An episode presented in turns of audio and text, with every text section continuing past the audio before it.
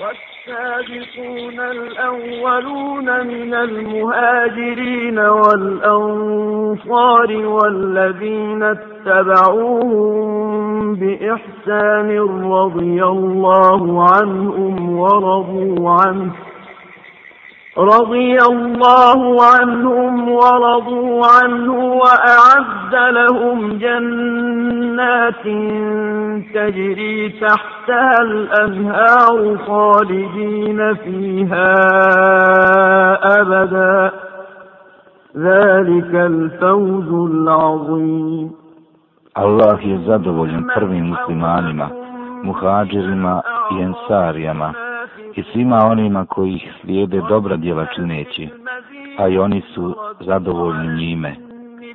Za njih je on pripremio dženevske bašče kroz koje će rijeke teći i oni će vječno i zauvijek u njima boraviti. To je veliki uspjeh. Said bin Amir el Džumehi je bio jedan od hiljade onih koji su izašli na mjesto Ten In, nedaleko od Mekke, na poziv Kurejševičkih prvaka, da bi bili očevici smrti jednog od drugova Allahovog poslanika, sallallahu alaihi veselem, Hubejba bin Adija, kojeg su na prevaru zarobili. Njegova mladalačka sposobnost je omogućila da se probije između ljudi i dospije do uglednika iz plemena Kurejiša, poput Ebu Sufjan ibn Harba, Safhan ibn Umeje i drugih koji su prednjačili u koloni. Na taj način mogao je da vidi Kureševičkog zarobljenika okovanog lance, dok su se žene, djeca i mladići tiskali prema mjestu pogubljenja, gurajući ga kako bi se na njemu osvetili. Muhammedu, sallallahu alaihi veselem, zbog svojih rođaka poginulih na bedru. Kada je ova gnjevna povorka stigla sa svojim zarobljenikom na mjesto pogubljenja, mladić Said ibn Amir se ispravi svim svojim stasom da vidi ih u bejba kojeg su vodili prema drvenom križu za razapinjanje. Čuo je njegov čvrsti, mirni glas kroz galamu žena i djece koji je govorio Ako bi me pustili da klanjam dva rekiata prije smrti, dobro bi učinili onda ga je gledao dok je okrenut prema kibli klanjao dva rekeata. Kako ih je samo lijepo obavio i upotpunio.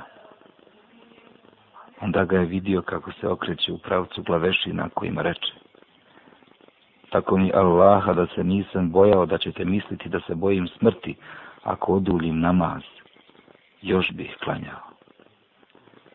Dalje je svojim vlastitim očima gledao kako Hubejba živog masakriraju, otkidajući mu komad po komad mesa, pitajući ga. Bi li volio da se spasiš, a da Muhammed bude na tvom mjestu?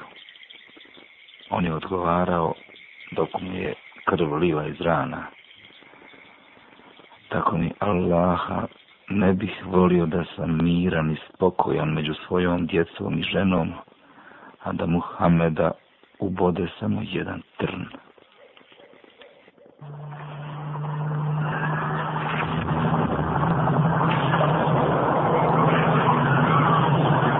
Ljudi su skandirali dižući ruke u visi vičući ubijte ga, ubijte ga. Onda Sejid ibn Amir vidje Hubejba kako diže pogled prema nebesima preko razapretog križa i kako uči dovu moj Allahu umanji njihov broj pobi ih svi u redom i ni jednog od njih ne ostavlje živoga onda je ispustio svoj posljednji dah dok je na njegovom tijelu bilo toliko udaraca sabljom i uboda kopljem da se nisu mogli izbrojati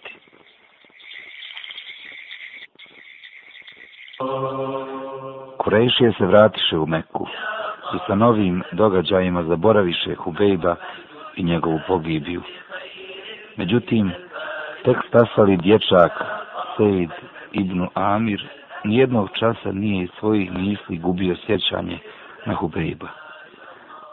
Vidio ga je i usnu i na javi. Uvijek mu je u podsvijesti bila njegova slika dok je klanjao ona dva mirna, i spokojena rekeata ispred razapetog križa. Kao da je čuo njegov glas dok je učio dovu protiv Kurejšija i stalno je strahovao da ga ne pogodi grom ili kakva kamena gromada sa nebesa. Hubeod je podučio Sejda ono što on nije znao. Podučio ga je da je život pun iskušenja i duboka vjera, te borba na putu te vjere sve do smrti naučio ga je da čvrst iman čini čuda i ne svakidašnje stvari. Naučio ga je još nešto. To je da taj čovjek kojeg njegovi drugovi tako vole može biti samo vjerovjesnik potpomognut sa nebesa. Kada je sve to vidio i spoznao, Allah rastrostrani grudi Sejda ibn Amira za islam. Ustao je pred skupinom ljudi i obznanio svoju neovisnost od kurejševičkih grijeha i tereta, te odbacivanje idola i kipova i konačno svoj ulazak u Allahovu vjeru. Said ibn Amir je učinio hijđu iz Meke u Medinu i od tada je stalno bio u društvu Allahu poslanika sallallahu alejhi ve sellem koji je učestvovao u bitci na Hajberu i svim ostalim bitkama i pohodima.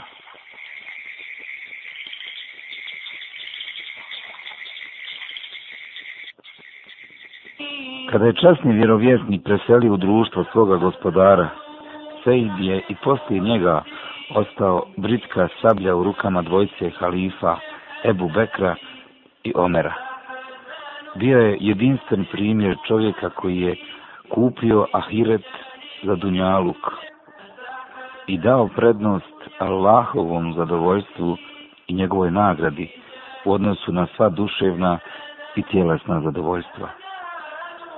Obojica halifa Allahovog poslanika sallallahu alaihi ve sellem su dobro znali iskrenost i bogobojaznost Sejda ibn Amira – pa su slušali njegove savjete i poruke. Tako je jednom došao Omeru ibnul Hatabu na početku njegova hilafeta, pa mu rekao, O Omere, savjetujem ti da se bojiš Allaha zbog svog odnosa prema Allahu. Neka tvoje riječi nikada ne proturiječe tvome dijelu, jer najbolja riječ je ona koja se potvrdi djelom. O omere, obrati pažnju prema onima, bilo bližnjima ili daljnjima, čiju ti je Allah stvar povjerio. Želi njima ono što želiš sebi i svojoj porodici, a mrzi da im se desi ono što bi mrzio da se desi tebi i tvojoj porodici. Budi čvrst u teškoćama, u ime istine i na Allahovom putu se ne boj ničih prijekora. Omer ga upita, a ko može tako o Sejdu? On mu reče, može čovjek poput tebe, kojim je Allah povjerio sudbinu Muhammedova umeta i između njega i Allaha nema niko drugi. Nakon toga Omer ibnul Hatab je pozvao Sejda i rekao mu O Sejdu, imenujemo te namjesnikom Homsa. On mu reče O Omere, tako ti Allaha ne stavljaj me na kušnju. Omer se razljuti i reče, teško vama, meni ste navratno tovarili ovo breme, a onda me napuštate. Tako mi Allaha neću te osloboditi te obaveze. Onda ga imenovao zapovjednikom Homsa, pa ga je upitao. Hoćeš li da ti odredimo platu? On odgovori, što da radim s njom u vladaru pravovjerni? Pa ono što dobivam iz državne blagajne više je nego što mi je potrebno. Tako se ide. Ode u Homs. Nakon kraćeg vremena vladaru pravovjerni stiže jedna delegacija povjerljivih ljudi iz Homsa, pa im on reče, napišite mi imena siromaha u vašem mjestu, kako bi im koliko toliko pomogao. Oni mu dadaše spisak na kojem bijaše ime toga i toga i ime Sejda ibn Amira. Omer upita, koji je to Sejid ibn Amir? Rekoše, to je naš emir, namjesnik. Pa zar je vaš namjesnik siromah? Da, rekoše. Tako nam Allaha prođe puno dana, a u njegovoj kući se nikako vatra ne naloži radi kuhanja. Omer zaplaka tako da mu suze isklasiše bradu, a onda uze hiljadu dinara koje stavi u kesu i reče. Poselamite ga od mene i recite mi, vladar pravovjernih ti je poslao ovaj metak da se potpomogneš u rješavanju svojih potrebština.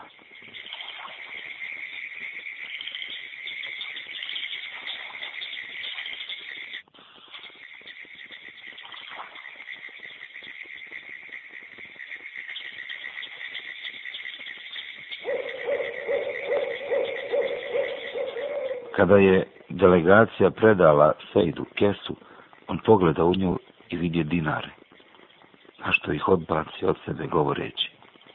Svi smo Allahovi i Allahu se vraćamo. Ponašao se kao da ga je zadesila velika nesreća ili zao udes.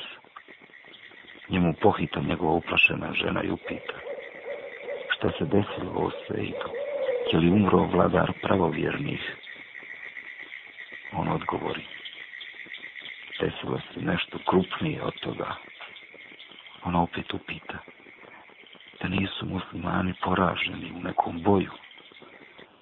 Još gore od toga, odgovori on. A šta je gore od toga, upita ona. On odgovori. Došao mi je Dunjaluk kako bi mi upropastio Ahiret. Stigla je kušnja u moju kuću pa oslobodi se toga, reče ona, nemajući o dinarima nikakva pojma. Hoćeš li mi ti u tome pomoći? Upita je. Da, reče ona. Onda on uze one dinare i razdijeli ih u manje kese, te ih svi upodijeli siromašnim muslimanima. Iza tog događaja ne prođe mnogo vremena, a halifa Omer ibnul Hatab, neka je Allah zadovoljan njime, otputovao u Šam kako bi se lično uvjerio u stanje muslimana u tom području. Kada je stigao u Homs, kojeg su zvali Mala Kufa, zbog toga što je Homs bio poznat po žalbama mještana na svoje namjesnike i radnike, kao što su to činili stanovnici Kufe, Omera dočekaše mještani u znak dobrodošlice. On ih upita. Kakav vam je vaš namjesnik? Oni su požališi na njega i spomenuše četiri zamjerke i pritužbe na njega, sve jednu veću od druge. Kasni priča Omer. Onda sam sastavio mještane Homsa i njihova namjesnika, molići Allaha da ne bude izmijenjeno moje mišljenje o njemu, jer sam imao povjerenja u njega. Kada dođeše kod mene i oni i njihov emir, ja ih upitah. Na šta se žalite kod vašeg vladara? Oni odgovoriše. Ujutru nam ne izlazi sve dok dan prilično ne odmakne. Ja upitah. Šta ti kažeš na to o Sejdu. On malo zašuci, onda reče. Tako mi Allaha, uvijek mi je bilo mrsko da to spominjem, ali sada vidim da to moram učiniti. Moja porodica nema nikakvog slugu, pa ja svako jutro preuzimam na sebe brigu oko kuhanja tijesta za kruh. A onda malo sačekam da ono tijesto nadođe, pa tek onda pripravim kruh. I do toga ja se abdestim i izlazim među ljude. Dalje kaže Omer. Onda ih upitah. A na šta se još žalite na njega? Oni rekoše. A on se na večer nikom ne odaziva. Ja upitah, šta za to kažeš o Sejdu? On odgovori, Allaha mi, i to mi je veoma mrsko što moram da obznanim. Ja sam dan podredio njima, a noć sam podredio i badetu uzvišenom Allahu. Ja opitah, na šta se još žalite? Oni rekoše, on jedan dan svakog mjeseca nikako ne izlazi među nas. Ja reko, šta je to sve idu?